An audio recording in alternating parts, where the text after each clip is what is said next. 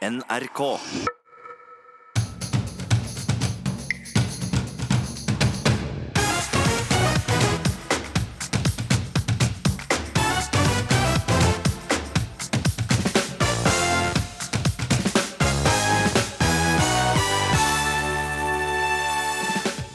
Nå kan alle som klager på Ari Behn, de kan ta seg en bolle.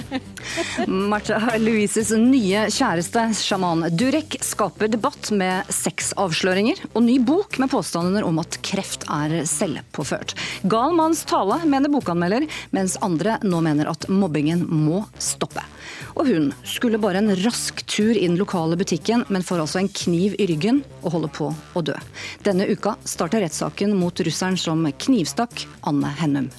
Det er det verste jeg har opplevd. Det, eh, jeg følte at jeg, det, jeg har ikke tid nå til å dø. Jeg kan ikke dø i dag. Og ni år etter sin endelige farvelturné, så feirer a-ha sitt 35-årsjubileum med ny verdensturné. Og Magne Furuholmen han letter på sløret om at det nå kan komme nye låter. Ja, vi får se. Vi får komme og se, da. Vi kan ikke avsløre alt her i ukeslutt. Det ville vært eh, katastrofe. Folk slutta å kjøpe billett med en gang. Ja, Velkommen til ukeslutt denne lørdagen, hvor du også skal høre at cannabisbruk blant norsk ungdom ja, den øker. Men cannabis er, og skal fortsatt, være ulovlig, sier folkehelseminister Sylvi Listhaug, og møter Venstres Carl Erik Grimstad, som ønsker salg av hasj på Vinmonopolet. Og så skal vi selvfølgelig straks ta turen til Storbritannia for siste nytt om brexit. Mitt navn er Synnøve Svabø. Så skal vi ta turen til Storbritannia, hvor altså London står på hodet i dag. For for første gang på 37 år så har det britiske parlamentet møte, og det på en lørdag. I dag er det nemlig siste sjanse da for Boris Johnson til å ta britene ut av EU 31. oktober. Og akkurat nå så sitter de og forhandler om de skal godkjenne brexit-avtalen, som Johnson så stolt kunne presentere torsdag denne uken. Og Johnson har nå i formiddag appellert til de folkevalgte. And if there is one feeling, if there is one feeling that unites the British public, with a growing number of officials in the EU, it is a burning desire to get Brexit done. And I must. NRKs mann i London, det koker som vi hører. Øyvind Nyborg, hva i all verden eh, kan vi nå forvente utover eh, dagen i dag?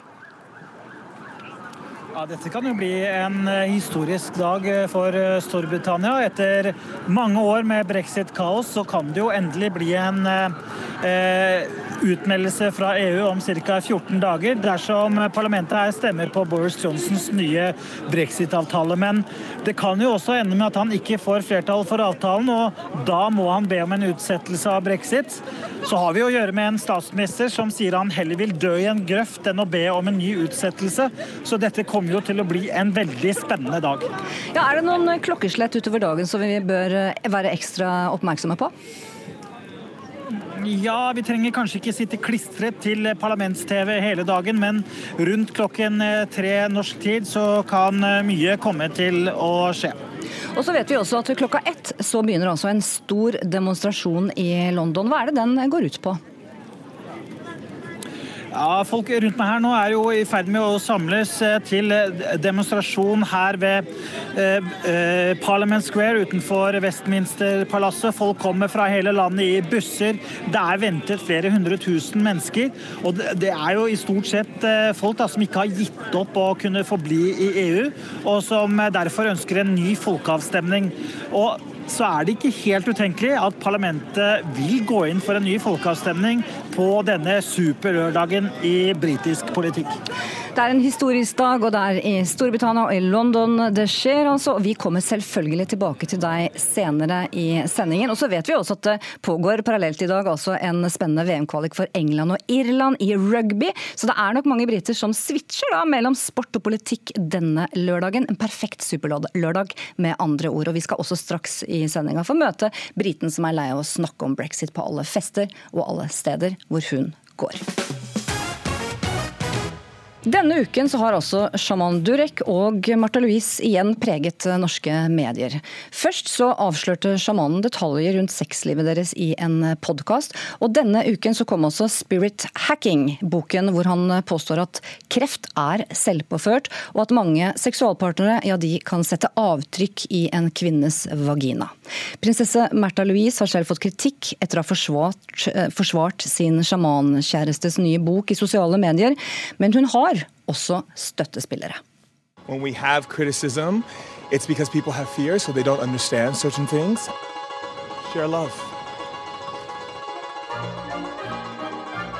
Jeg har jo brutt med det å være kongelig på en tradisjonell måte, da. Nå kan alle som klager på Ari ben, de kan, eh, de kan eh, ta seg en bolle. Men samtidig så syns jeg nok det at hun er et voksent menneske. og hun gjør jo ikke noe ulovlig, så jeg syns ærlig talt hun skal få lov til å gjøre det hun vil. Hun ser jo veldig forelska ut, da. Altså, De er jo kjærester, på en måte. Altså, Hadde jeg hatt en kjæreste som gitt bok, så hadde jeg selvfølgelig reklamert for boken hans. på en måte. Eh, fordi jeg vil jo, Da hadde jeg selvfølgelig villet at den skulle komme opp og fram. på en måte. Vet du hva, Jeg syns det høres jævlig slitsomt ut. Altså Tre-fire ganger dagen. Altså, hva skal, det, Man må holde på med andre ting også. Livet har så mye mer å by på enn å skulle ha sex hele tiden. Her ble det også, også nevnt podkasten og innholdet der. Den skal vi komme tilbake til. Men aller først også boka 'Spirit Hacking', eh, sjamanen Dureks bok, kom ut på engelsk tirsdag denne uken. Og bokanmelder Katrine Krøger, eh, du har allerede lest og slaktet boken og gir den en ener i Dagbladet. Hva i all verden er det som er galt med hele denne boka? Hva skal jeg si hva som er riktig? Jeg vet ikke. Eh, det er en veldig fordomsfull, nypuritanistisk, moralistisk bok. Eh, den kommer med påstander som er ganske hinsides. For det første at barn er skyld i sin egen kreftsykdom. Eh, det er veldig ydmykt språk, eh, lite ydmykt språk. Han påstår det, og han sier at barn er så lett å jobbe med fordi de skjønner med en gang når han kommer inn og skal behandle dem, at de skjønner at de selv er skyld i det, og svarer da nei, det er fordi jeg ikke vil leve lenger. Det er én ting. Legekreft, altså eh, Leder i Barnekreftforeningen har jo allerede rykt ut og sagt at dette er ganske hinsides. Og så kommer han med, han kommer med fryktelig mange rare påstander. Min anmeldelse består egentlig bare av referater, og jeg kunne ha øh, fortsatt til det uendelige. Men han har jo også en sånn merkelig form for en sånn, sånn hyllest av kvinnen. Altså sånn feminisme. At vi er liksom inne i den feministiske virkeligheten. Er ikke det bra, da? Det er så fint. Men det er jo også en veldig sterk eh, nypuritanismen der. Blant annet så sier han jo at han har jo sånne åndelige øvelser, for det er noe han kaller sukumbier, og det er sånne onde ånder som setter seg fast i skjeden på kvinner som har hatt mange seksualpartnere.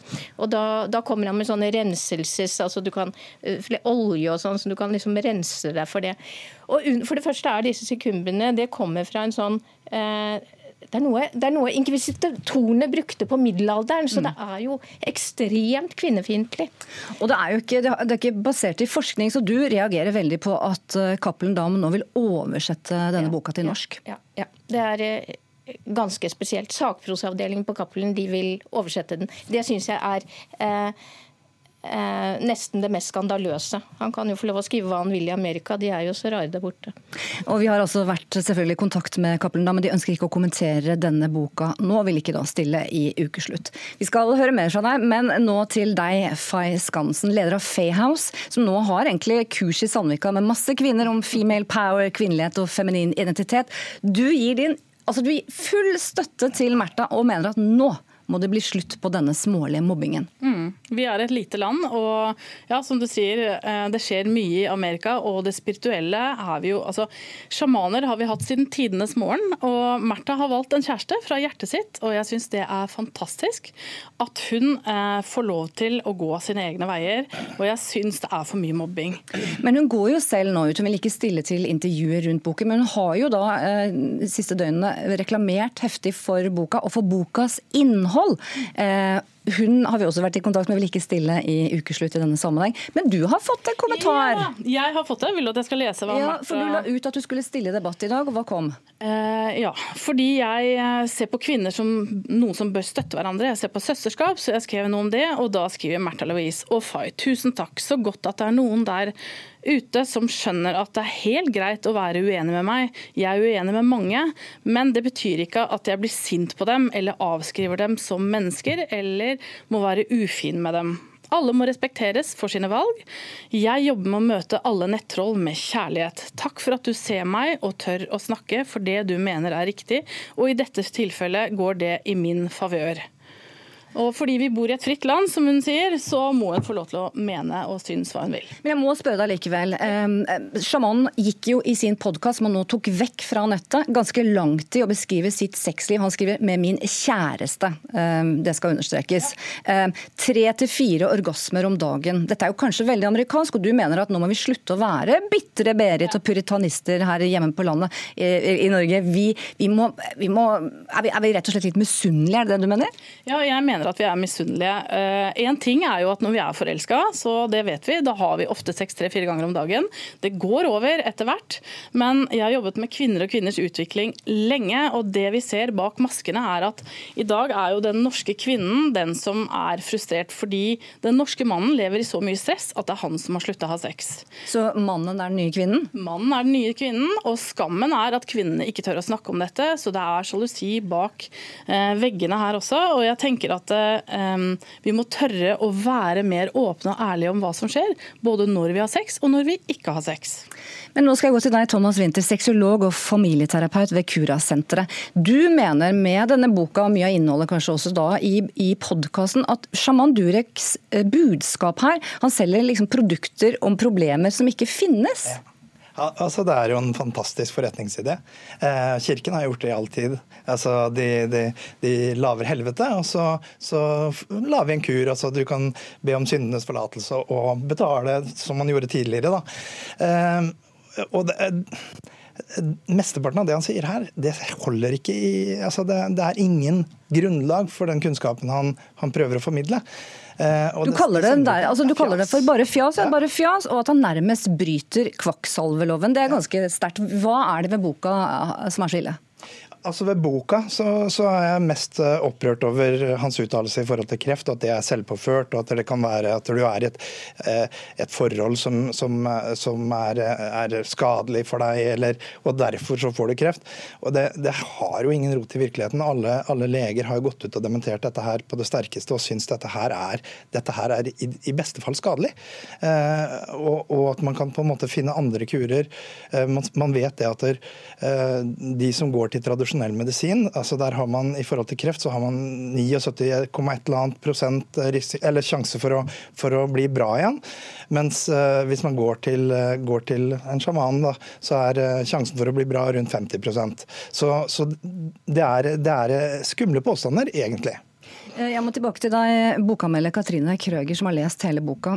Du sier språklig sett, fordi det ikke er så mye forskning i bånn her, så sier du at det er litt trumsk ja. over språket her? Eh, han, har jo, han, har jo, vært død, blant annet. Da, da han var 27 år, så døde han. Og da forteller han at han, etter at han våknet opp, da, som han tydeligvis har gjort, så så han opplevde han da ikke bare millioner, eh, nei, slutt, millioner virkeligheter, men sillioner forskjellige virkeligheter. Sillioner. Jeg skulle fryktelig gjerne heller vite, istedenfor disse sillionene, bare at han liksom satte oss inn i et paradis, men han gjør jo ikke det. Han bruker et sånt veldig bastant Trumps språk. Altså Han snakker om alle millionærene og milliardærene. Okay, si fordi at eh, Vi snakker jo om mind over matter her. og Joe Dispenza er forsker nå som vitenskapelig beviser at vi har elektromagnetiske felter rundt oss. Altså Vi er ikke bare en kropp, vi er en sjel i en kropp, og denne sjelen den opplever. Eh, og det han snakker om, selvfølgelig hvis du er nær døden eller har vært på andre siden, er når du kommer tilbake, så har du en opplevelse. For minnet kan ikke forsvinne, og vi kan ikke stoppe å eksistere. Og det er det dette Men det som hadde vært mye mer interessant, var at han var mer spesifikk. For han snakker om milliardærer og billiardærer som han øh, Ja, men da snakker vi om interessant for hvem igjen, gjør vi ikke det? Hvem er det interessant for? Du har ikke lest boka. Meg, så jeg derfor skulle så er jeg gjerne ønske at du hadde lest boka, for da vil, vil du forstå Nei, nei, nei. Ja. Jeg er sanselige mennesker, da, tydeligvis. Ja, ikke sant? Og hør nå. Det du gjør nå Hør nå. Er Dette er teknikkene Märtha blir utsatt for. Latterliggjøring. Dette, du er utenfor. Eh, Du forstår ingenting, Märtha. Du er dum. Det gjør du med meg akkurat nå. Dette er Eh, noe? Og dette er første- Dette er artig. Dette er veldig gøy. det er artig, men for det første så latterliggjør vi ikke Märtha. Vi latterliggjør ikke Durek eh, Verrett heller. Absolutt ikke. Jeg syns de virker som hyggelige personer som jeg gjerne skulle møtt. Men eh, påstandene er helt ut av det blå. Påstandene Ja, har men tatt det er ut av det blå for deg. Det er ikke ut av må bare Jeg må spørre Thomas Winther, du, du kaller han jo, du er litt fascinert, og du kaller han en eh, liten magiker, en tryllekunstner med kvinner? Det handler jo om at han, at han for det første så, så klarer han å få oss til å savne Ari Behn etter bare halvannen dag. Eh, Det andre er at vi, vi Nei, nei, men altså Det er jo det. Det er jo sånn Å, det var det forrige feilen Mm. Märtha gjorde. Hersketeknikk. Hersketeknikk. Og så hva for noe annet? Altså Det som er Hallo? mest, nå det som er mest er fascinerende med boka, apropos latterliggjøring, det er at hvert eneste avsnitt åpner med alle mennesker som ikke vet, alle som ikke skjønner, alle som ikke ser. Eh, fordi vi alle tenker i bokser. ikke sant? Og enhver kritikk av, av en sånn måte å tenke på mottas med at vi ikke ja. Jeg må spørre Er dere da. Klarer alle nå, fordi vi, dette må være sak og ikke person, eh, helt riktig. Eh, Er det, hva kunne være en opps... For boka kommer jo om noen uker, eh, har jo nå fått voldsom oppmerksomhet, da blir den oversatt til norsk. Men hva er eventuelt det positive her, da? at det blir en åpen debatt.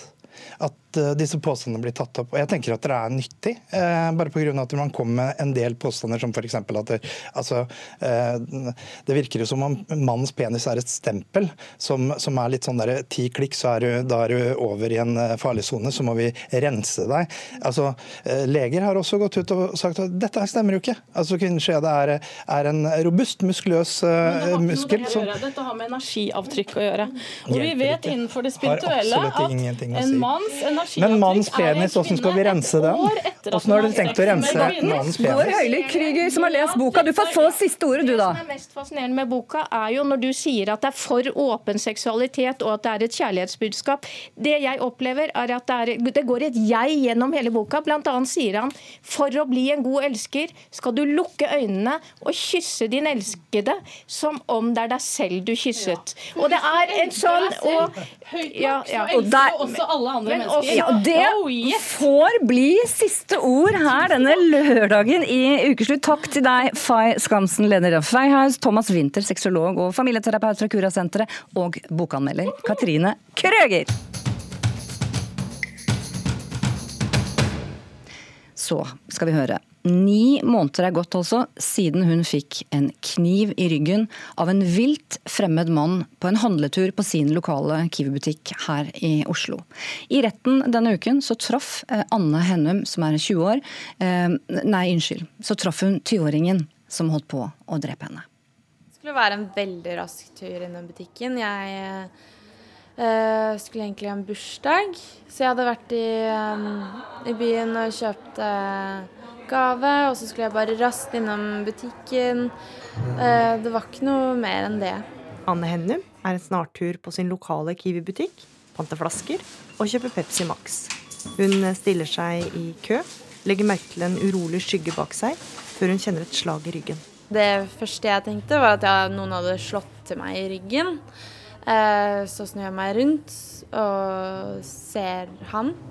Eh, med fortsatt armen sittende fast i ryggen. Alt det her går egentlig veldig raskt, men det er jo da jeg tenker at jeg har blitt, eh, fått en kniv i ryggen og ikke et slag. Så eh, faller han bakover, jeg trekker meg bakover, han faller litt bakover. Og da går jo kniven ut også, så da er jeg jo helt sikker på at eh, det var en kniv og ikke et slag.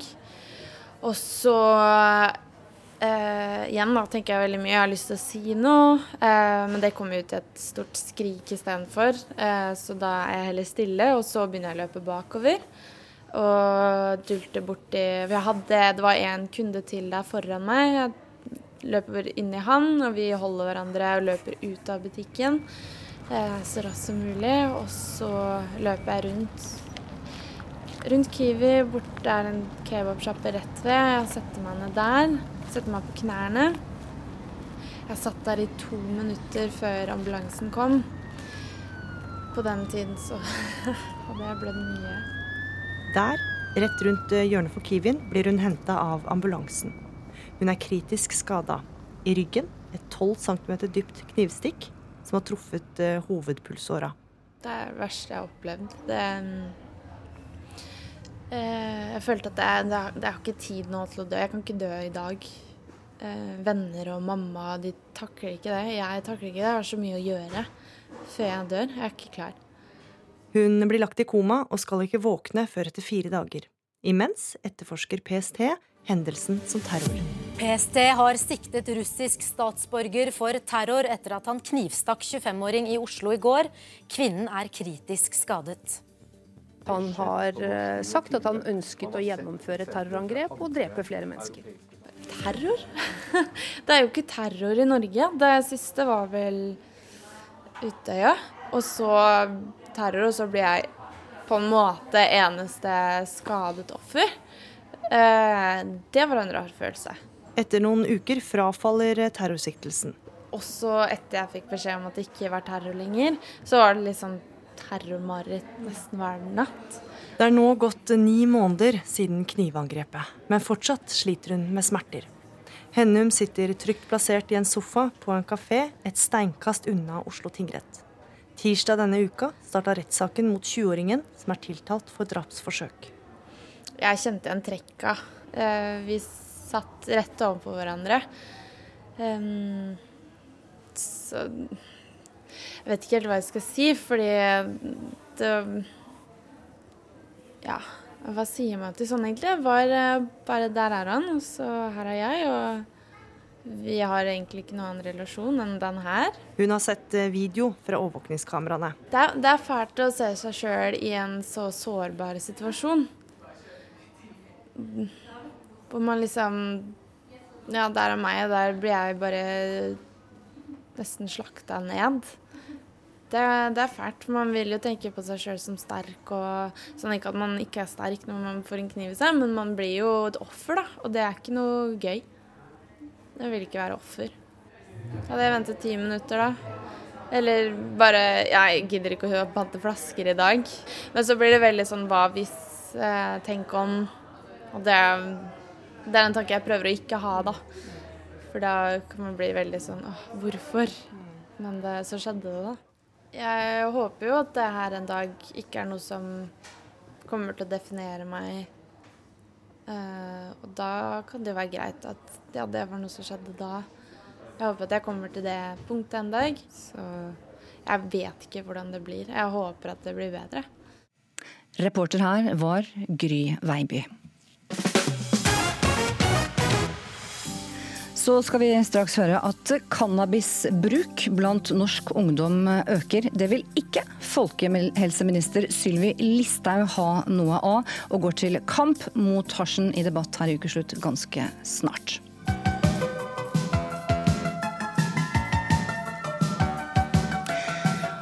Og denne låta 'Take On Me' ja, den skal spilles først når a-ha feirer sitt 35-årsjubileum med karrierens største verdensturné og spiller sitt debutalbum fra A til Å.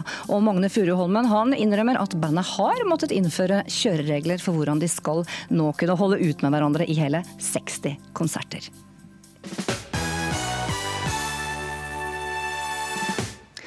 Tall fra Ungdata viser at cannabisbruk blant norsk ungdom øker, og at norsk ungdoms forhold til marihuanabruk er i endring.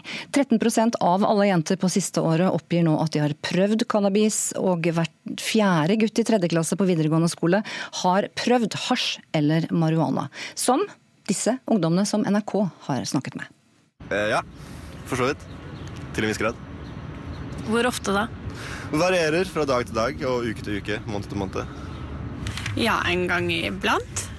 Hvilke sammenhenger bruker du det da? Eh, nei, det er vel mest hvis man er på fest eller på reise og havner i situasjoner hvor det er OK å ta seg en joint, så takker jeg ikke nei til det. Rune Solberg Swan, leder av Felles enhet for forebygging i Oslo politidistrikt, sier at dette bekymrer politiet. Oslo politidistrikt er veldig bekymret for den eh, utviklingen vi ser i eh, økningen i ungdoms bruk av cannabis de tre siste årene. Ungdata-undersøkelsen eh, viser at etter en jevn tilbakegang for hasjbruken, så har det vært en økning på hele 7% blant guttene i, i ungdomsbefolkningen i Oslo som, øker, som bruker cannabis fra 2015 til 2018. Eh, antall jenter som har prøvd eh, cannabis, har nesten eh, blitt fordoblet de siste årene også. Så det er flere som er liberale til bruk av hasj. Det er flere som blir tilbudt hasj. Og resultatene fra Ungdata viser også at det er flere som ser på det som at det gir status å bruke cannabis. Og det er vi veldig, veldig bekymret for. Bruk av cannabis gir svekket korttidshukommelse, og sånn sett påvirker evnen til læring og skoleprestasjoner. Det man kan også si er at Gjentatt bruk i, i ungdomsårene eh, påvirker livsgleden i, i, negativ retning. Det er en tydelig risiko for at humøret blir mer flatt, interessen for ting dabber av, og at man folkelig sagt blir litt sløv ved gjentatt bruk.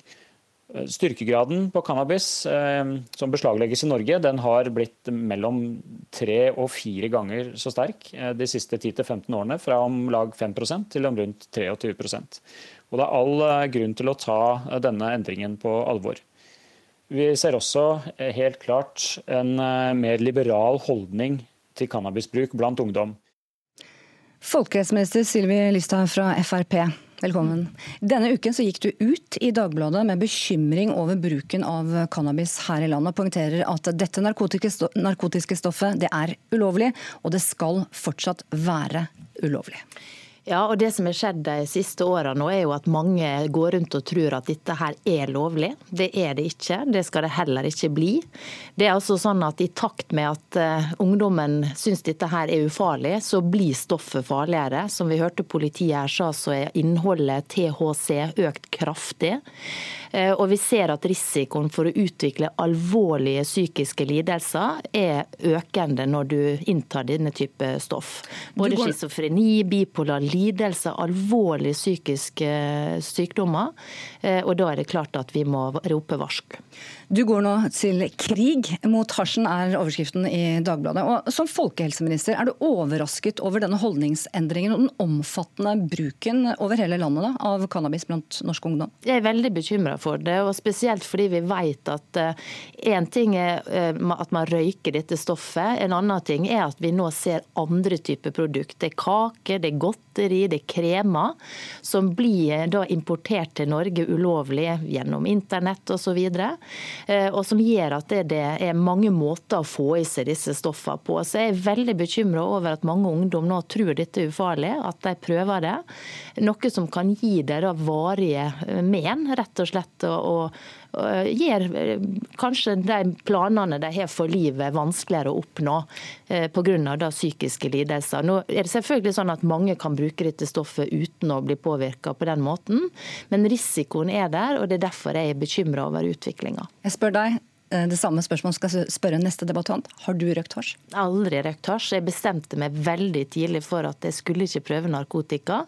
Eh, og med mindre noen har lurt noe i meg, så har jeg heller ikke gjort det. Vi skal videre og ha med oss eh, stortingsrepresentant for Venstre, Carl Erik Grimstad. Jeg stiller deg det spør samme spørsmålet først. Har du røkt hasj? Nei, jeg har ikke det. du mener i hvert fall at statsråden med sin kronikk skrur klokken tilbake i rusdebatten. På hvilken måte? Ja, altså jeg, eh, la meg først begynne med å si at jeg deler selvfølgelig Sylvi Listhaugs bekymring for økt rusbruk i Norge. Det er helt åpenbart noe vi må ta tak i. og Ingen, ingen helsepolitiker med respekt for seg selv kan unngå å se at det er problemer med dette. Men jeg, eh, jeg er først og fremst eh, når vi snakker om cannabis Vi kunne snakke om alkohol, som er et langt større problem. Men når vi først snakker om cannabis, så må jeg si at jeg er bekymret for den økte, økte innholdet av THC i, i stoffer som, som, selges på gata i dag, som selges helt uh, ukontrollert, som selges på natta, som selges på dagen, som selges utenfor skoleportene, og som, som fører til at uh, unge mennesker som er spesielt disponert for, for, for skader, de, de, har tilgang til dette på en helt annen måte i dag enn tidligere. Men hvor skal, da hasjen, hvor skal men, da hasjen selges? Ja, altså, poenget her er at hvis vi, hvis vi, vi må gjøre noe med dette. Og hvordan skal vi gjøre noe med det? Og Det vil jeg gjerne høre helse, folkehelseministerens svar på. fordi en måte å, gjøre, eh, å komme dette eh, uvesenet til livs på, er jo å gjøre det man gjorde på 1800-tallet i Norge, da spritkonsumet gikk rett i taket. Og hvor altså øl, altså min alkoholholdige eh, varer med mindre innhold av alkohol, ble, ble tillatt produsert, altså øl, og som førte til at spritkonsumet gikk ned, og generelle, den generelle folkehelsa ble bedret. Altså, og Tilsvarende i dag så kan man jo tenke seg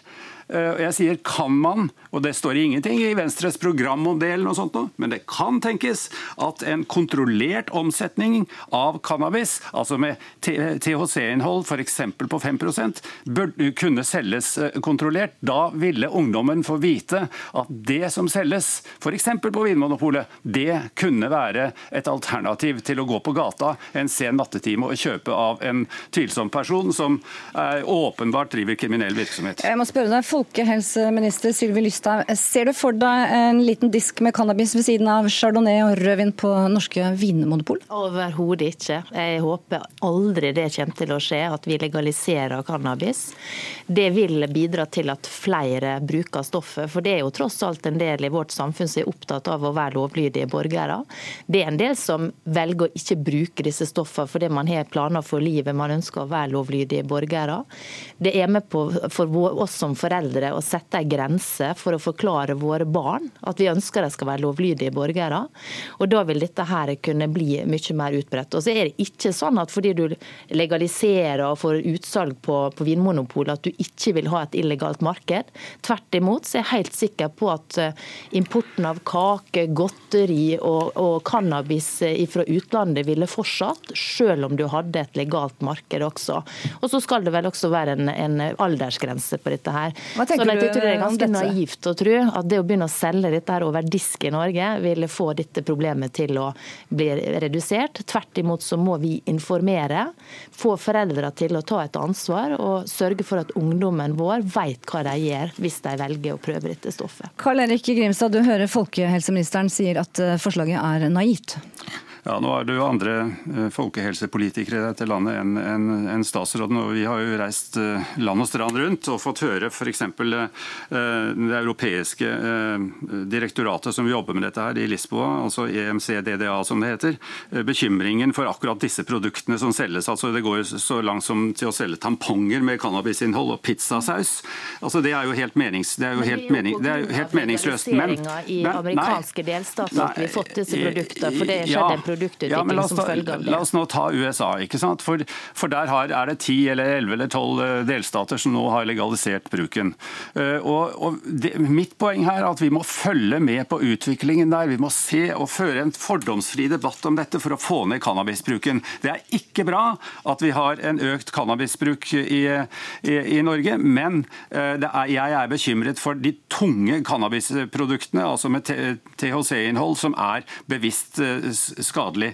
Og så er det jo, eh, er det jo slik at vi må vi, vi er ikke, altså i hvert fall Fra Venstre så stiller vi spørsmål om dette. her, og Vi stiller ikke med ferdige svar før vi har undersøkt hva som faktisk skjer.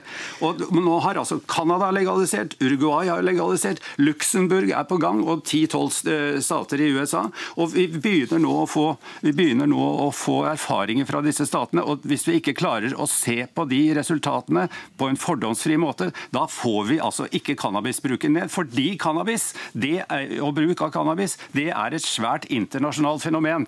Dette må eh, folkehelseministeren få svare på. Hva med Norge? Hvordan blir det her?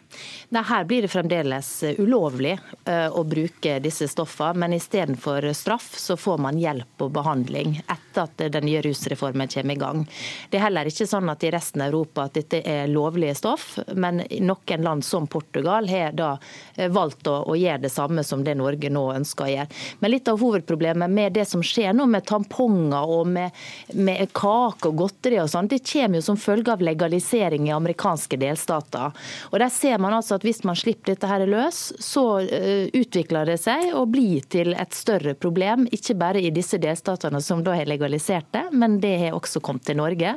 Og det er derfor vi bør stå fast på at dette ikke skal bli lovlig. Men norsk politi... Hadde vi, hadde vi kunnet, hadde vi kunnet uh, ha, ha, innflytelse på amerikansk politikk, så skulle vi kanskje kunne gjøre noe med dette. Men vi altså, har det, har, vi, det har vi altså ikke. og Dette er altså et internasjonalt eh, problem. og Vi må føre en fordomsfri debatt om dette som gjør at ungdom faktisk er i stand til å se forskjell på skitt og kanel.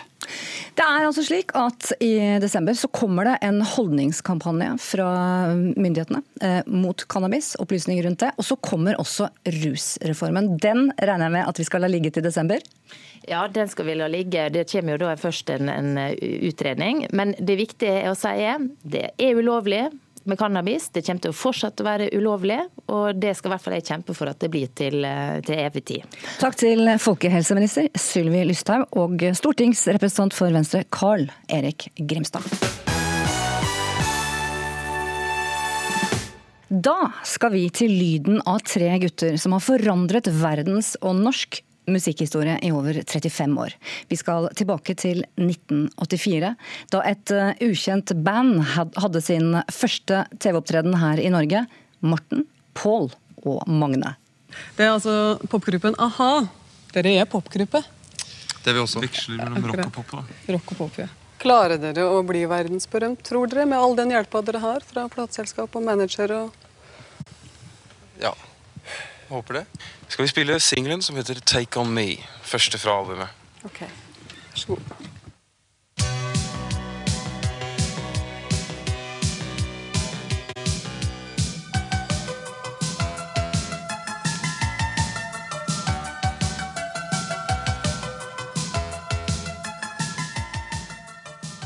35 år altså siden denne eh, sangen ble spilt inn. Ni år etter sin 'Ending on a High Note Farewell Tour 2010', så er Magne Furuholmen, Morten Harket og Paul Voktor Savoy klare for karrierens største verdensturné, som starter opp i Dublin om få uker. Med stoppesteder i alle verdensdeler, og med tidenes finale i Norge neste år, i november, på kino og i Oslo Spektrum. Så dere tok altså ikke farvel med oss eh, likevel, Magne eh, Furuholmen. For jeg var der selv, jeg. Ja, 4.12.2010. Som da ble lansert som avskjedskonserten deres. Kanskje til og med med litt tårer i øyekroken. Og hva sier du nå da til de som mener at a-ha har tatt en Kjell Bekkelund med gjentatte avskjedskonserter? Kjell, Kjell Bekkelund perfeksjonerte jo farvelturneen. Eh, så, så han er klart et stort forbilde der. Det, det, er liksom the first farewell tour, og så er det den siste er jo liksom the first final farewell tour, or the final, final first uh, farewell. Eh, litt vanskelig. Jeg, jeg, har ikke helt uh, Dette vet jeg, dette må jeg tenke litt på og, og jobbe litt med, kjenner jeg. Men uh, som sagt, vi tok en avgjørelse om å legge ned um, våpenet i 2010.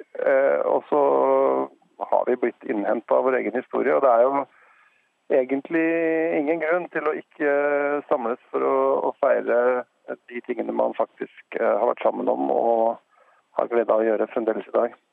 Det blir, noe, det blir ikke noe, forsøk på en ny 'dette blir siste gang'. Jeg sier ikke det om igjen. Det er ikke så dum. Du, Hvordan er det å børste støv av eh, keyboardet nå, og gjøre deg klar til eh, 'Take On Me', da, blant annet? Det som er litt unikt for oss nå, er jo det at vi har på en måte et sånt dogme om at vi skal spille den plata. Så, så dette er vel sånn sett da første konsertene vi gjør noensinne hvor Take On Me er første og ikke siste låt. Så da kan jo de som ønsker det, gå etter 3 minutter og 55 sekunder eller noe sånt. Eh, og så kan resten få høre eh, resten av albumet. Og det å gå tilbake da og liksom gjøre originalversjoner av, av ting som ble spilt inn i 85, det, det føles egentlig litt sånn nytt for oss. da. Vi har ikke turnert det albumet på den måten noen gang. Gleder du deg til nå å vite altså nå skal du ut på veien og spille 60 konserter fremover? altså Låta er nå så, sannsynligvis, men når du liksom nevner antallet konserter, så tror jeg det er litt sånn eh, type fremtidsutsikter som man beskytter seg litt eh, for. da, altså At man tar litt sånn derre korte eh, Man tar liksom en, en legg av gangen. Så, sant? så det, jeg ser fram til liksom Når jul kommer, så har vi spilt 10-15 konserter eller sånt nå. Da er de 10-15 neste klare på nyåret. Så det er, det er, sånn, det høres mye ut når du sier det på den måten der, merker jeg plutselig, Jeg har gleda meg helt til du sa at det var 60 konserter. Hvis å gruer meg litt. Hvordan forbereder du deg? Fordi jeg ser jo for meg at Morten Harket står foran speilet hjemme og pusher vekter. For det er, det er jo en kraftanstrengelse? You're not wrong. Nei, uh, det vet ikke jeg. Det må Morten svare for. Jeg, uh, jeg, prøver, jeg oppdager at, uh, at, jeg har mindre muskler i fingrene enn jeg hadde for et par år siden. Så jeg, jeg driver med sånn fingerøvelser. Så um, nei, det er, vel, det er vel egentlig bare det å få spille seg inn i materialet som er, eh, er eh, det man gjør. Dere skal også spille hele albumet 'Hunting High and Low' fra A til Å. Og så noe nytt, er det blitt fortalt. Betyr det at det kommer en ny plateutgivelse i 2020? Nei, det gjør det ikke. Men vi har, eh, vi har materiale som aldri har vært spilt inn, og som har kanskje vært tiltenkt plater så det er, det er, mye materiale som egentlig ligger sånn uforløst i, i, gjennom, opp gjennom tiden. Men eh, noe nytt album er det ingen planer om. Men et par nye låter? Ja, vi får se. Får komme og se, da. Vi kan ikke avsløre alt her i ukeslutt. Det ville vært eh, katastrofe. Folk slutta å kjøpe billetter med en gang. Neste høst så kommer altså A-ha The Movie. Regissør Thomas Robson har fulgt historien deres tett. Og hvor bekvem er Magne Furuholme med at gammelt grums fra a-ha, eh, som maktspill, uvennskap og pengekrangel, nå kommer opp igjen? Nei, altså det er jo ting som eh, har kanskje begrensa interesse for folk flest, tror jeg. Eh, og men man liksom prøver jo å være ærlig sjøl òg, når man blir spurt om ting. og Det er ikke alltid man kommer liksom heldig ut av det heller. Men til syvende og sist så vil kanskje liksom summen av det hele gi et litt riktigere bilde, da. Du fikk jo et eh, fysisk sammenbrudd, som er en del av Ahas a-has historie. Akuttinnlagt på sykehuset og behandlet med elektrosjokk etter hjertetrøbbel. Det ble da forklart i sin tid med dype konflikter i bandet. Altså det, det, hørtes jo voldsomt dramatisk ut, sånn som du fortalte det nå. Eh, men jeg ble diagnosert med hjerteflimmer, og det hjerteflimmeret har fulgt meg i, mange år. Eh, og det blir merkbart verre hver gang jeg skal inn i a-ha. så, det er nok ikke at det er ingen uh, røyk uten ild, men jeg lærte meg å leve med det også. Det var ikke noe sånn Det opplevdes dramatisk der og da, og det opplevdes som knytta til følelser rundt, eh, rundt, eh, rundt a-ha. Eh, det er jo veldig mye andre følelser rundt a-ha også, som er kjempepositive for mitt vedkommende. Altså, jeg er mye mer takknemlig og, og, også mye mer glad i å stå på scenen i dag enn jeg var på 80-tallet. Altså, jeg har mye større evne i dag til å ta imot den kjærligheten som strømmer fra publikum, for å si det litt uh, forsiktig klisjéaktig. Har dere nå eh, lagt noen kjøreregler for hvordan dere skal klare å holde ut med hverandre? Tre gutter på veien på turné, 60 konserter? Det har vi. Kjørereglene er klare. Ehm, det er alltid litt sånn eh, bryllupsreise de første par ukene. Og så sånn, eh, kan det gå litt sånn surt når man er forbi sammen. Så Derfor har vi lagt opp som sånne bolker. Det er sånn pauser innimellom. Det er ikke, vi er ikke på turné hele året. Vi tar liksom en måned på. og to måneder av.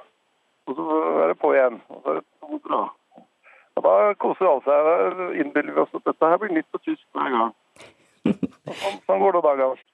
Da er det bare for oss andre å kaste roseblader på senga og ønske en nice honeymoon, altså i fem verdensdeler, og lykke til masse med turneen Magne Furuholmen. Og torsdag 26.11. neste år så er det kinopremiere på Thomas Robsons A-ha The Movie, før det hele avsluttes med to konserter i Oslo Spektrum.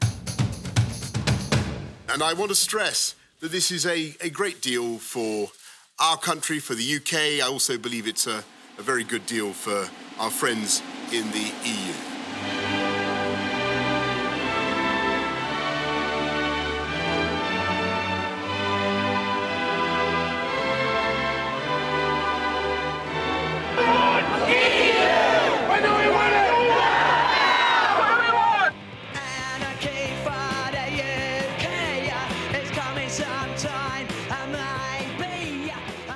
This is our chance in the UK uh, as Democrats to get Brexit done.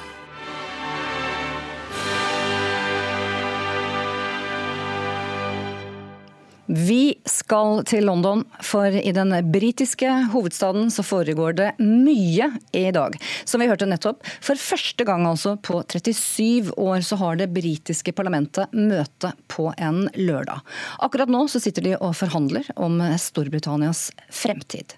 Avtalen mellom EU og Storbritannia må rett og slett få flertall i parlamentet i dag.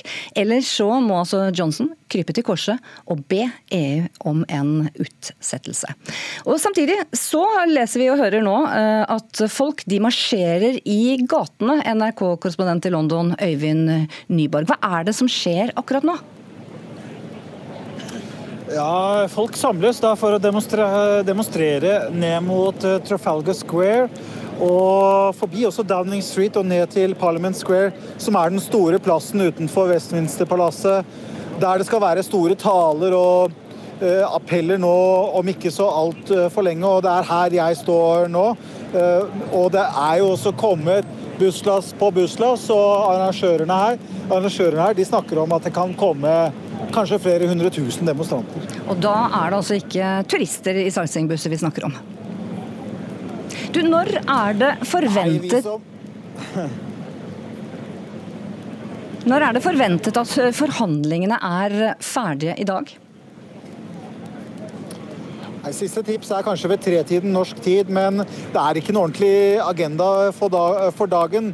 Alt er egentlig veldig usikkert, så vi vet ikke egentlig helt hva som eh, kommer til å skje med avstemningene ennå. Du, um, Hva slags prestisjenederlag vil det bli for statsminister Boris Johnson uh, om eventuelt han måtte be EU om en utsettelse?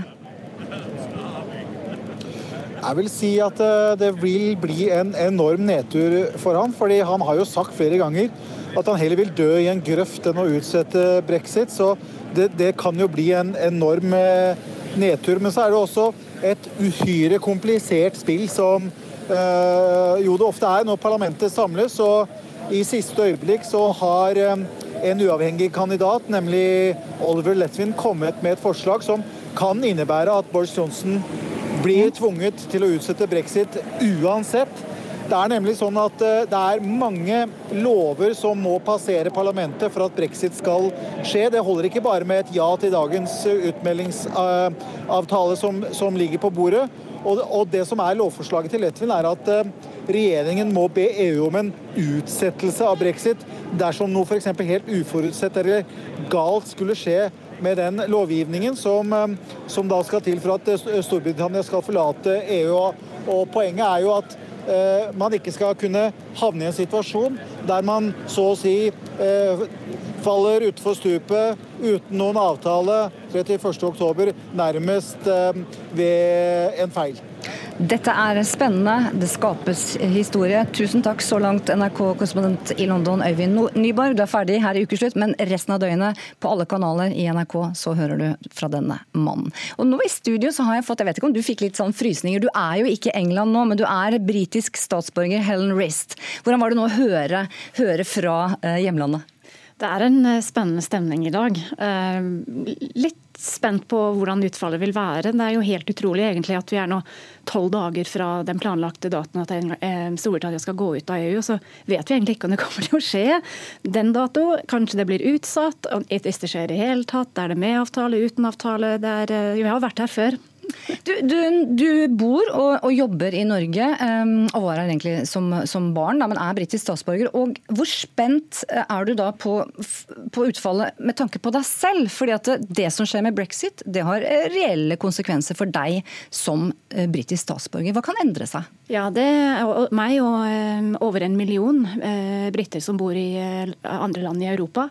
Det er usikkerhet rundt pensjonene våre, det er usikkerhet rundt helse, hvordan det vil være å kunne flytte tilbake, hvilke rettigheter man har på arbeid. Men det som er fint egentlig med Norge, er at Norge og Storbritannia har forhandlet fram uh, avtaler til å uh, ivareta rettighetene til borgerne uansett hva som skjer. Men det er ikke tilfellet for alle land. Du, Vi hørte Buss på buss kommer altså til Londons gater. Vi snakker om hundretusener som nå skal demonstrere. Du selv, uh, Helen Rist, du stemte mot brexit. Ønsker du, du ønsker jo ikke ny folkeavstemning. Hva, hva tenker du, er dette realistisk? Jeg vet ikke om det kommer til å løse Eller jeg vet ikke, jeg vet ikke hva løsningen er, egentlig. Det er, det er vanskelig, vanskelig, egentlig å finne oppskriften på, på, veien ut av det som er tilfredsstillende for alle. Um, en folkeavstemning tror jeg hadde provosert halvparten av befolkningen, og ikke ha noe provosert den andre halvparten. Det som er til felles, er at alle er ganske utmattet og lei og vil komme seg videre. Men eh, hvis man går ut nå om tolv dager, så er ikke det på en måte slutten. Samtalen kommer til å fortsette. Men det splitter jo også et Eh, folk og skaper sår, kanskje blant eh, familie, venner, naboer. Hvordan merker man den siden? Ja, Det er helt riktig. og Bare samtaler i nærmeste familie kan fort bli veldig opphisset. Det er mange forskjellige meninger. Folk som man ellers uh, tenker ganske likt, kan ha utrolig forskjellige meninger om akkurat dette spørsmålet, som har også forandret seg i løpet av de siste tre år. Uh, I noen tilfeller så unngår jeg å prate om det, for det kan bli, veldig, det kan bli så sårt. og man blir så provosert. Eh, mm. Og så sier du også at her i Norge, på fest i middager, så er det ett tema folk vil snakke med deg om. Ja, det altså på fest, eh, på jobb. Jeg kan komme til jobb, og så glemmer jeg at ethvert spørsmål jeg får når jeg først kommer og sier 'good morning', eh, kan handle om brexit. fordi det er, folk, det er det folk forbinder med meg. Da. Så de kan si 'ja, sov du godt i natt'? Og jeg kan tenke 'hva er det de snakker om'? Men det er fordi det har skjedd et eller annet i Westminster som alle har fulgt med på som en Netflix-episode. Men du, Jeg snakket med to andre eh, briter på vei hit i dag, Mike og Simon, og de sa at det var en superlørdag også fordi at i kveld og utover dagen så skal de switche mellom politics and sports. For fordi rugby, nasjonalidretten i England England spiller også mot Australia, New Zealand mot Ireland.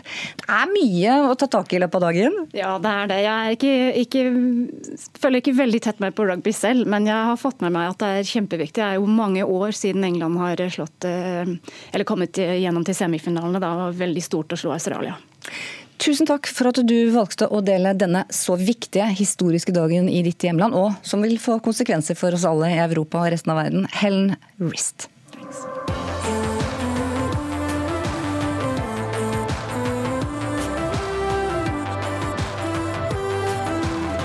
I morgen er det igjen klart for verdens største dugnad her på NRK. 100 000 bøssebærere over hele landet er i sving mellom klokka fire og seks i morgen ettermiddag. Årets slagord er 'Nå er det hennes tur'. Med pengene så vil Care gi 400 000 kvinner opplæring i å starte egen bedrift, tjene egne penger, bestemme over egen kropp og få sin stemme hørt. Robert Stoltenberg, du er med oss fra prøver i rådhuset, hvor altså TV-sendingen skal gå direkte i morgen. Hva, hva skjer hos dere nå? Jo, nå er det masse forberedelser, men jeg måtte finne meg et lite kontor for at det er så veldig mye klang nedi den eh, rådhushallen. Og så er det mange som gifter seg, så det er et sånt renn av bryllupspar. Så jeg sitter her, jeg vet ikke hvilket kontor jeg sitter på, det, det er ikke ordførerens, men det er et veldig fint kontor. Du, TV-aksjonen har altså blitt gjennomført hvert år siden 1974 og har blitt en tradisjon her i Norge. Og du har selv reist for Care og TV-aksjon til Myanmar. Og hvilke inntrykk er det du sitter igjen med? veldig mange sterke inntrykk. Det var, altså jeg møtte veldig mange kvinner som bodde på landsbygda. og flere alenemødre som hadde blitt forlatt av mennene sine. og Det som jeg sitter igjen med, det er liksom å se det livsmotet og den viljestyrken disse kvinnene har, selv om de lever under såpass vanskelige og kummerlige forhold. Det syns jeg var veldig veldig tankevekkende. Og, så var det veldig fint også å se at de pengene vi samler inn, de kommer fram. Og at ganske beskjedne summer er med på å, å endre mange kvinners liv. Altså At man kan ja, kjøpe seg et minikjøkken, f.eks., starte en cateringvirksomhet, eller man kan uh, få penger til å utvide jordlappen sin, så de kan dyrke enda flere grønnsaker og tjene mer penger. Og virkemidlene for å få til dette her, det er jo disse spare- og lånegruppene. Det er på en måte signaturprosjektene til CARE. For det er så viktig Synnøve, å få kvinner ut i arbeidslivet. Og det er bare å komme til, kan jeg komme til et eksempel? Ja, ja. Jeg tenker sånn som, tenk på Norge. Altså, Vi er et rikt land, men det er ikke bare oljen som har gjort at vi er så rike. Det er fordi en hel halvpart av landets befolkning deltar i yrkeslivet. Så det er så viktig å få kvinner inn i yrkeslivet. Da øker jo totalomsetningen for et land. Eh, Så det er så viktig globalt perspektiv at kvinner også gis mulighet til å komme ut i arbeidslivet. Og dette jobber Care veldig mye med. Vi skal gi så det svir mellom eh, ja, når bøssebørerne begynner å gå fra klokka fire i morgen etterpå rundt hele landet. Og vi kan også by og være med og bidra, eh, for dere har en auksjon som vi kan legge inn bud på og kikke på allerede nå. Og jeg vet at det bl.a. ligger navneskilt fra oppløste kommuner og fylker. Men hva mer er det kanskje litt mer sexy, da? Er det du kan by på? Nei, men Er ikke det sexy? Er ikke det artig det? Å ha et telemarkskilt stående i hagen eller hengende over sofaen? Ja, Hvis du kan nedslaget, så. Det artig, det, vel? Nei, ja, det er sant. Det er så masse i den aksjonen. For eksempel, altså, du kan by på originalmanus fra Game of Thrones, signert Kristoffer Hivju.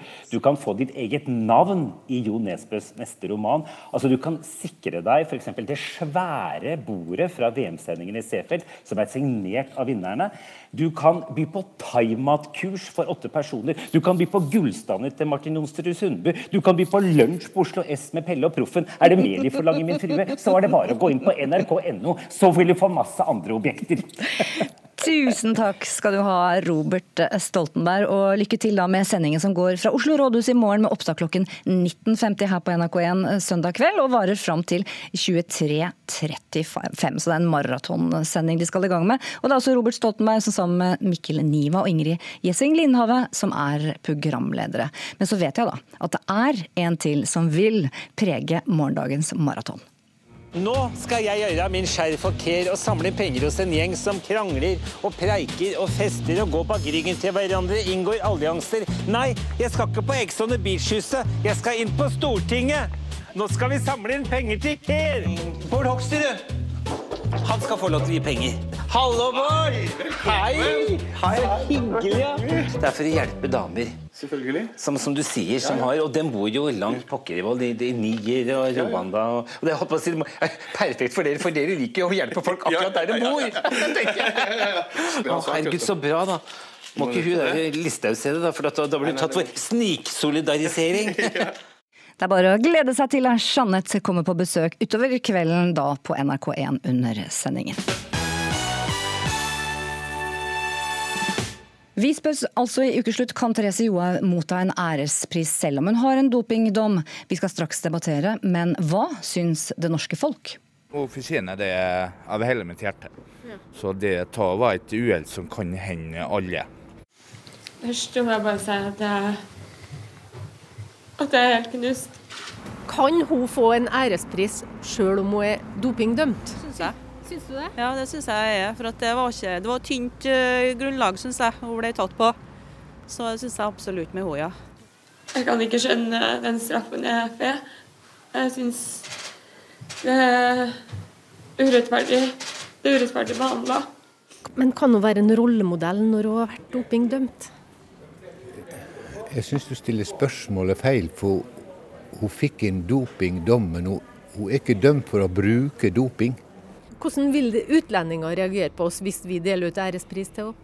Det vil sikkert bli negativt, ja. Det tror jeg kanskje. For de, de vet ikke hele historien. Sånn som russerne sitter og godter seg, og tyskerne delvis. Og svenskene. Hun er en rollemodell fra A til Å. Og så, la oss stoppe. Vi skal tilbake til neste helg.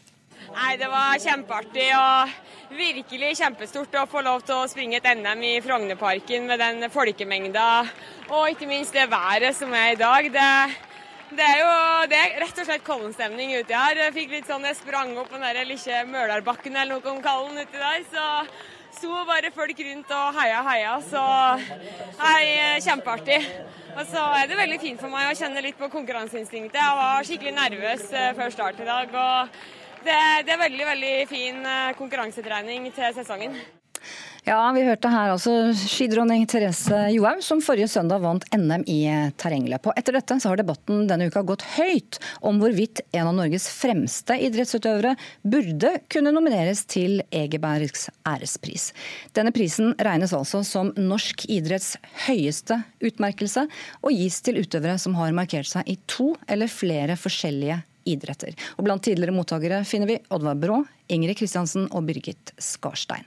Men er da dopingdom forenlig med en slik ærespris, er spørsmålet. I går uttalte Marit Bjørgen til Dagbladet at hun ikke er i tvil om at Johaug fortjener prisen, og mener det burde være selvsagt at hun oppfyller kriteriene på bakgrunn av det hun har allerede prestert, og det forbildet hun er for sporten. Sportskommentator i VG, Leif Welhaven. Det var du som stilte spørsmålet på nytt eh, denne uka. Kan en dopingdømt utøver motta den mest prestisjefylte æresprisen i norsk idrett? Altså, jeg har uh, kommet frem til at jeg mener at uh, en dopingdom og Egebergs ærespris uh, ikke er kompatibelt. Jeg mener Vi er helt nødt til å heve blikket utover Therese Johaug og diskutere et prinsipp her. For skal vi mene at eh, det er greit at en dopingdømt eh, utøver får Egebergs ærespris, så må vi altså mene at det er eh, greit i et mye videre spekter. Og faktum er altså at i denne saken så er det en utøver som har tatt et forbudt stoff, et anabolt steroid som ikke skal være i kroppen, og har sonet en lengre utestengelse Eh, for det, og dermed oppfylt altså, kriteriet som følger av eh, WADA-koden, altså lovverket, som gjør at dette faller innenfor begrepet doping. Og da mener jeg at uavhengig av uh, hvorfor og årsakssammenheng, så er det rett og slett altså, tror jeg klokt at en pris som Egebergs ærespris altså, gis til utøvere som ikke har, har dopingdommer på seg. Klart og tydelig nei, hun er tatt for doping, sier altså sportskommentator i VG Leif Welhaven. Hva med deg, tidligere proffsyklist, nå sykkelekspert for TV 2, Mats Kaggestad. Du er uenig, for du mener altså hun bør få den? Jeg har ikke noe problemer med at hun får den. Eh, det har jeg ikke. Eh, og, og ja, hun har sona en, en, dopingstraff, eh, men hun har sona en dopingstraff fordi at hun har begått en, en feil. Og hun, Det er derfor hun har sona 18 måneder og ikke fire år. Altså Hun har fått en redusert straff for å ha da, et anabolsteroid i, i kroppen. Måtte betale prisen for det. Og hvis du da ikke gir henne denne type priser som Ekebergs ærespris, så mener jeg at da havner hun automatisk på en måte i bås oss sammen med utøvere som da er dømt for mye mer alvorlige eh, lovbrudd. Da. Som hvem da? Eh, som f.eks. Lance Armstrong, eller altså utøvere som er liksom symbolet på, utøvere, på, på, utøvere som på en måte har bedratt og svindlet idretten. Da. Jeg mener at eh, Johaug og hundrevis av andre utøvere òg, som også er dømt for det samme, som ikke har nødvendigvis dopa seg med hensikt om å svindle og jukse. Det er mange eksempler på det, ikke bare Johaug. Eh, at de da skal kunne på en måte, de, de, skal ikke da fortsatt dømmes for evig og alltid. Sånn, jeg tenker at Det blir et sånn etisk spørsmål. Skal de da havne i bås sammen med de vi virkelig ønsker å, å, å ta, for, for, som ødelegger for idretten? Ja, jeg må spørre da, Leif Welhaven, sportskommentator i VG. Hva med omdømmet til, til norsk eh, toppidrett, hvis, hvis hun skulle få en slik pris? Altså, jeg er bekymret for signaleffekten og, og, omdømmet, ikke minst utenlands, og hvordan det vil bli sett på hva gjelder altså, troverdigheten i norsk antidopingarbeid. Og Det store problemet med denne sektoren er jo nettopp at hvis vi skal bruke det parameteret med bevisst eller ubevisst, og vi skal ta den prinsipielle debatten, uavhengig av Johaug-saken, så havner vi i enorme problemer. Fordi det fins knapt en dopingsak hvor du kan 100% vite hva som er riktig eller ikke riktig. I denne saken så har det altså endt med at eh, jeg forholder meg også til at hun har trodd av, av, av dommerne. men det men altså, for the sake of argument så foreligger det altså ingen objektive holdepunkter som altså beviser noe mer enn at hun har utslag på lav konsentrasjon av et anabolsteroid. Hun har ikke testet flere måneder i forkant. og Følgelig altså, kan man ikke vite med to streker under svaret egentlig noe som helst utover forklaringen. Og Skal vi ha dette sånn sett i fullbredde, så må, vi, måtte vi da hatt et system hvor vi altså avhengig av hva folk tror på eller ikke tror på. Derfor er liksom dette med bevisst-ubevisst så utrolig vanskelig å dokumentere diskutere, og et litt sånn uholdbart parameter, syns jeg. Jeg synes jo at når, når, vi har fått de to store sakene vi har hatt nå med Jonse Sundby og, og Johaug, så syns jeg det har vært veldig bra for dopingdebatten i Norge. For den har vært veldig svart-hvitt.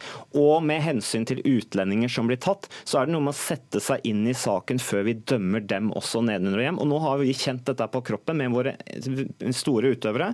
Og dermed så har vi plutselig fått et helt annet forhold til hva faktisk en dopingstraff er. Og da mener jeg da bør vi også nyansere ved å gi henne denne prisen. Fordi at det er ikke, det er forskjell på dopingdommer også. Ja, og det snakkes jo da, Du nevnte Martin Jonsrud Sundby. Det, det snakkes jo da i den sammenheng om at han ikke får, i hvert fall ikke funnet verdig ennå til å få eh, Holmenkollmedaljen. En medalje som idrettsutøverne selv sier henger høyst over OL-medalje over gullmedalje i, i, VM. Fordi han ble dømt i sin tid til to måneders utestengelse pga. ulovlig bruk av astmamedisin. Eh, vi skal høre hva Sundby selv sier da, om å ikke ha fått eh, prisen eh, en liten stund siden i en podkast googla her i NRK.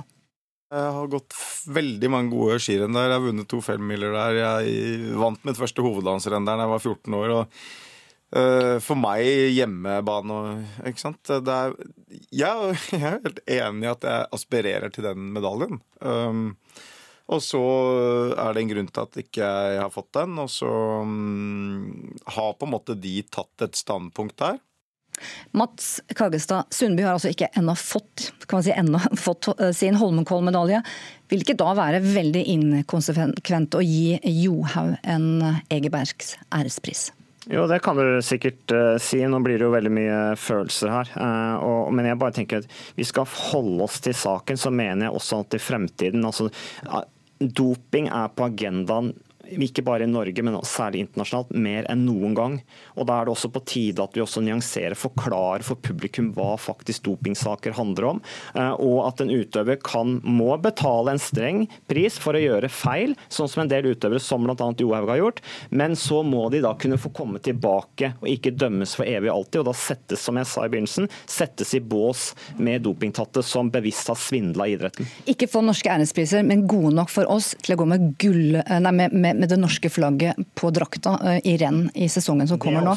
Det syns mange nordmenn er rart. Du skal få siste eh, ordet, Welhaven i VG. Ja, det store problemet her er at det er først når det er to norske utøvere det er snakk om, at nordmenn skal begynne å finne, å finne opp sine egne definisjoner av doping, eller eh, prøve å komme med skiller som aldri har vært der i ordskiftet før. Det hadde hatt langt mye mer troverdighet hvis det hadde altså, vært framme om man hadde ment det samme om utlendinger i de samme sakene.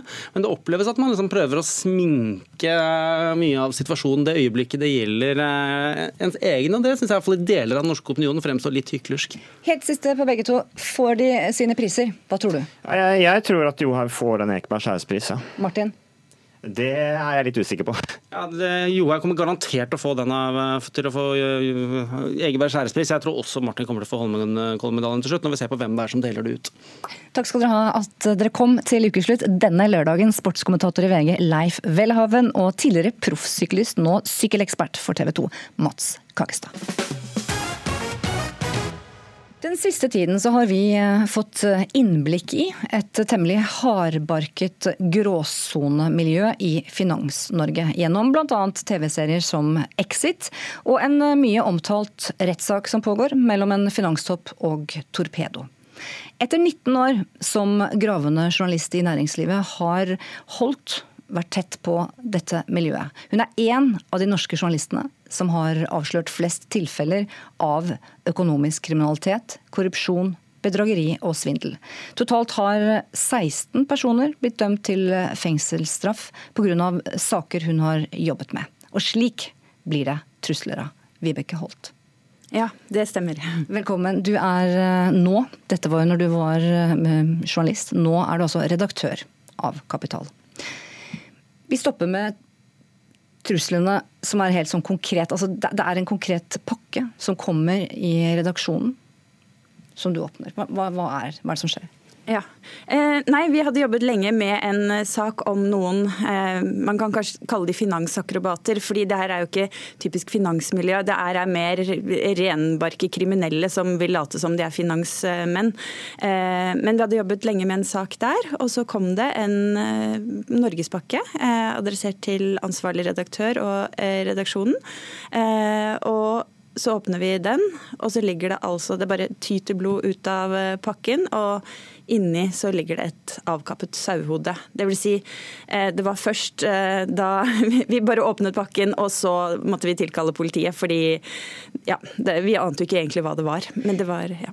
Rene vil jeg si, mafiametoder vi har sett i gudfarfilmer osv. Hvordan reagerer du da? Eh, nei, jeg må jo si at når du mottar den type pakke, så føler du at du jobber med en viktig sak. Når du møter så mye motstand for å stoppe en sak eller for å liksom feide av banen som journalist, så er det egentlig bare ekstra motiverende, for du vet at eh, hvis de er villige til å gjøre dette mot deg eller oss som journalister, så er de sannsynligvis villige til å gå enda hardere til verks mot andre personer som ikke har det nettverket rundt seg som vi har. Det er altså både fysiske og psykiske trusler. Hva slags andre psykiske trusler blir du utsatt for? Uh, ja, det er litt forskjellig, egentlig. Uh, var en periode. Vi fikk veldig mye trusselbrev. Uh, vi fikk var en gal mann som sendte tegninger av en grav med gravstøtte og navnet mitt og navnet til kollegaer osv. med konkrete dødsdatoer. Eh, det har vært brev med eh, bilder av patroner, og vi vet hvor de bor. Eh, type andre brev hvor vi har leid inn litauere til å tenne fyr på huset ditt, osv. Men jeg tenker nok kanskje at det verste er jo de som truer med å drepe seg selv fordi at vi skriver et eller annet. Det har vi opplevd noen ganger. og Eh, de fysiske truslene er kanskje ikke så ille, men, men, men, å på en måte være ansvarlig for noens psykiske helse og eh, hvis noe skulle skje I ni av ti tilfeller så går det bra, men du vet aldri hvilke tilfeller. Eh, og det er tungt å skulle ta en avgjørelse om å sette en sak på trykk, eh, vel vitende at den man omtaler, eh, truer med å ta livet sitt. Men dere har satt saker på trykk allikevel? Ja, ja det, det, kan ikke stoppe oss. Eh, og det, det, viktige jobben er jo å sjekke at alt vi skriver er riktig. Eh, og da må man jo faktasjekke, faktasjekke og faktasjekke. Og eh, virkelig ha en aktverdig god grunn til å rette søkelyset på problemstillingen. Eh, og vite at man har gjort alt riktig. Det er jo det aller viktigste. Dette er jo et stress da, man må leve med, og et psykisk press. Men du har også blitt utsatt for en sånn konkret fysisk skade? Ja, jeg hadde ikke jobbet så lenge i Kapital da jeg ble slått ned på en generalforsamling. Jeg var i et eh, selskap som skulle hente inn masse penger, og jeg hadde fått tips om at en eh, grovt kriminell, en ransmann, skulle investere penger der. og Det var snakk om hvitvasking av eh, store summer og investorer som skulle bli lurt inn i det selskapet der. Eh, og Da eh, hadde vi fått fullmakt til å være på generalforsamlingen, og de prøvde å hindre oss i det. og Det endte med at de gikk til angrep på fotografen, noe jeg skulle dokumentere. og Da kom det en og slo et speilreflekskamera ganske hardt i hodet mitt, så det ble en stor kul. Men det, det er jo sånn Den type mm, trusler og vold, det får man jo veldig stor sympati for. Men det er jo de mer subtile, de psykiske, som egentlig er mye verre, syns jeg. Vi vet jo at leger, lærere, Nav-ansatte også kan bli utsatt for mennesker som truer de eller går fysisk eller psykisk til angrep. Eh, hva slags eh, tilrettelegging hadde man da på jobben i Kapital, eh, der dere var, når slikt skjer? Ja, Vi hadde jo et fantastisk nettverk rundt oss. Eh, og det er eh, en veldig sånn god mentalitet. Alle tar vare på hverandre. Og også det at alle føler at nå jobber vi med noe veldig viktig. Eh, nå forsøker de å stoppe oss. Da skal vi i hvert fall ikke la oss stoppe. Vi har jo også opplevd å få det var en periode jeg hadde seks injuriesøksmål mot meg. Vil si folk gikk til søksmål mot artikler man hadde skrevet. og prøvde å stoppe oss den, og det bruker man jo veldig mye tid på. Så det er jo ganske slitsomt å skulle være produktiv og eh, skrive artiklene sine samtidig som man må bruke masse, masse tid på advokater. Men vi hadde en helt fantastisk advokat, og han var av den gamle, gode skolen og kom og sa liksom at hvis det ikke hadde kommet inn jurysøksmål på en stund, så mente han at vi var litt for tannløse og slappe i journalistikken. Så eh, oppmuntringen og støtten internt i redaksjonen har vært fantastisk bra. Helt til slutt, Vibeke Holt. Um, jeg vet at du er opptatt av at dette må nedfelles hos arbeidsgiver og på arbeidsplasser i HMS. Men rent personlig for ditt liv nå, uh, hvilke konsekvenser har det fått, og hvilke hensyn tar du? Uh, heldigvis. Jeg har ikke latt eh, trusler eller vold eller noe sånt ødelegge livet mitt. Jeg har tatt det veldig fint, føler jeg. Er sterk psykisk. Eh, men jeg har jo hørt om andre journalister som sliter mer, og man tar nok en del ekstra forholdsregler i hverdagen som ingen andre gjør. Så man var en periode man snudde seg litt ekstra over skulderen og passet på hvor man hadde bilen parkert og sånne ting. Eh, og nå har man jo sørget for å ha alle sikkerhetssystemer og sånn rundt seg intakt. Eh, og har fått meg hund og ja. ja. Så man, man har en god sikkerhet, og da så man også godt om natten. Tusen takk for at du kom til Ukeslutt og delte denne historien, Vibeke Holt, redaktør av Kapital. Og på nrk.no så kan du nå lese flere historier fra norske journalister som har blitt truet på jobb. Ansvarlig for ukeslutt denne lørdagen har vært Andrea Kvamme Hagen og teknisk ansvarlig Hans Ole Hummelvold. Her i studio, meg, Synnøve Svabe, som ønsker alle dere ha en riktig god lørdag videre.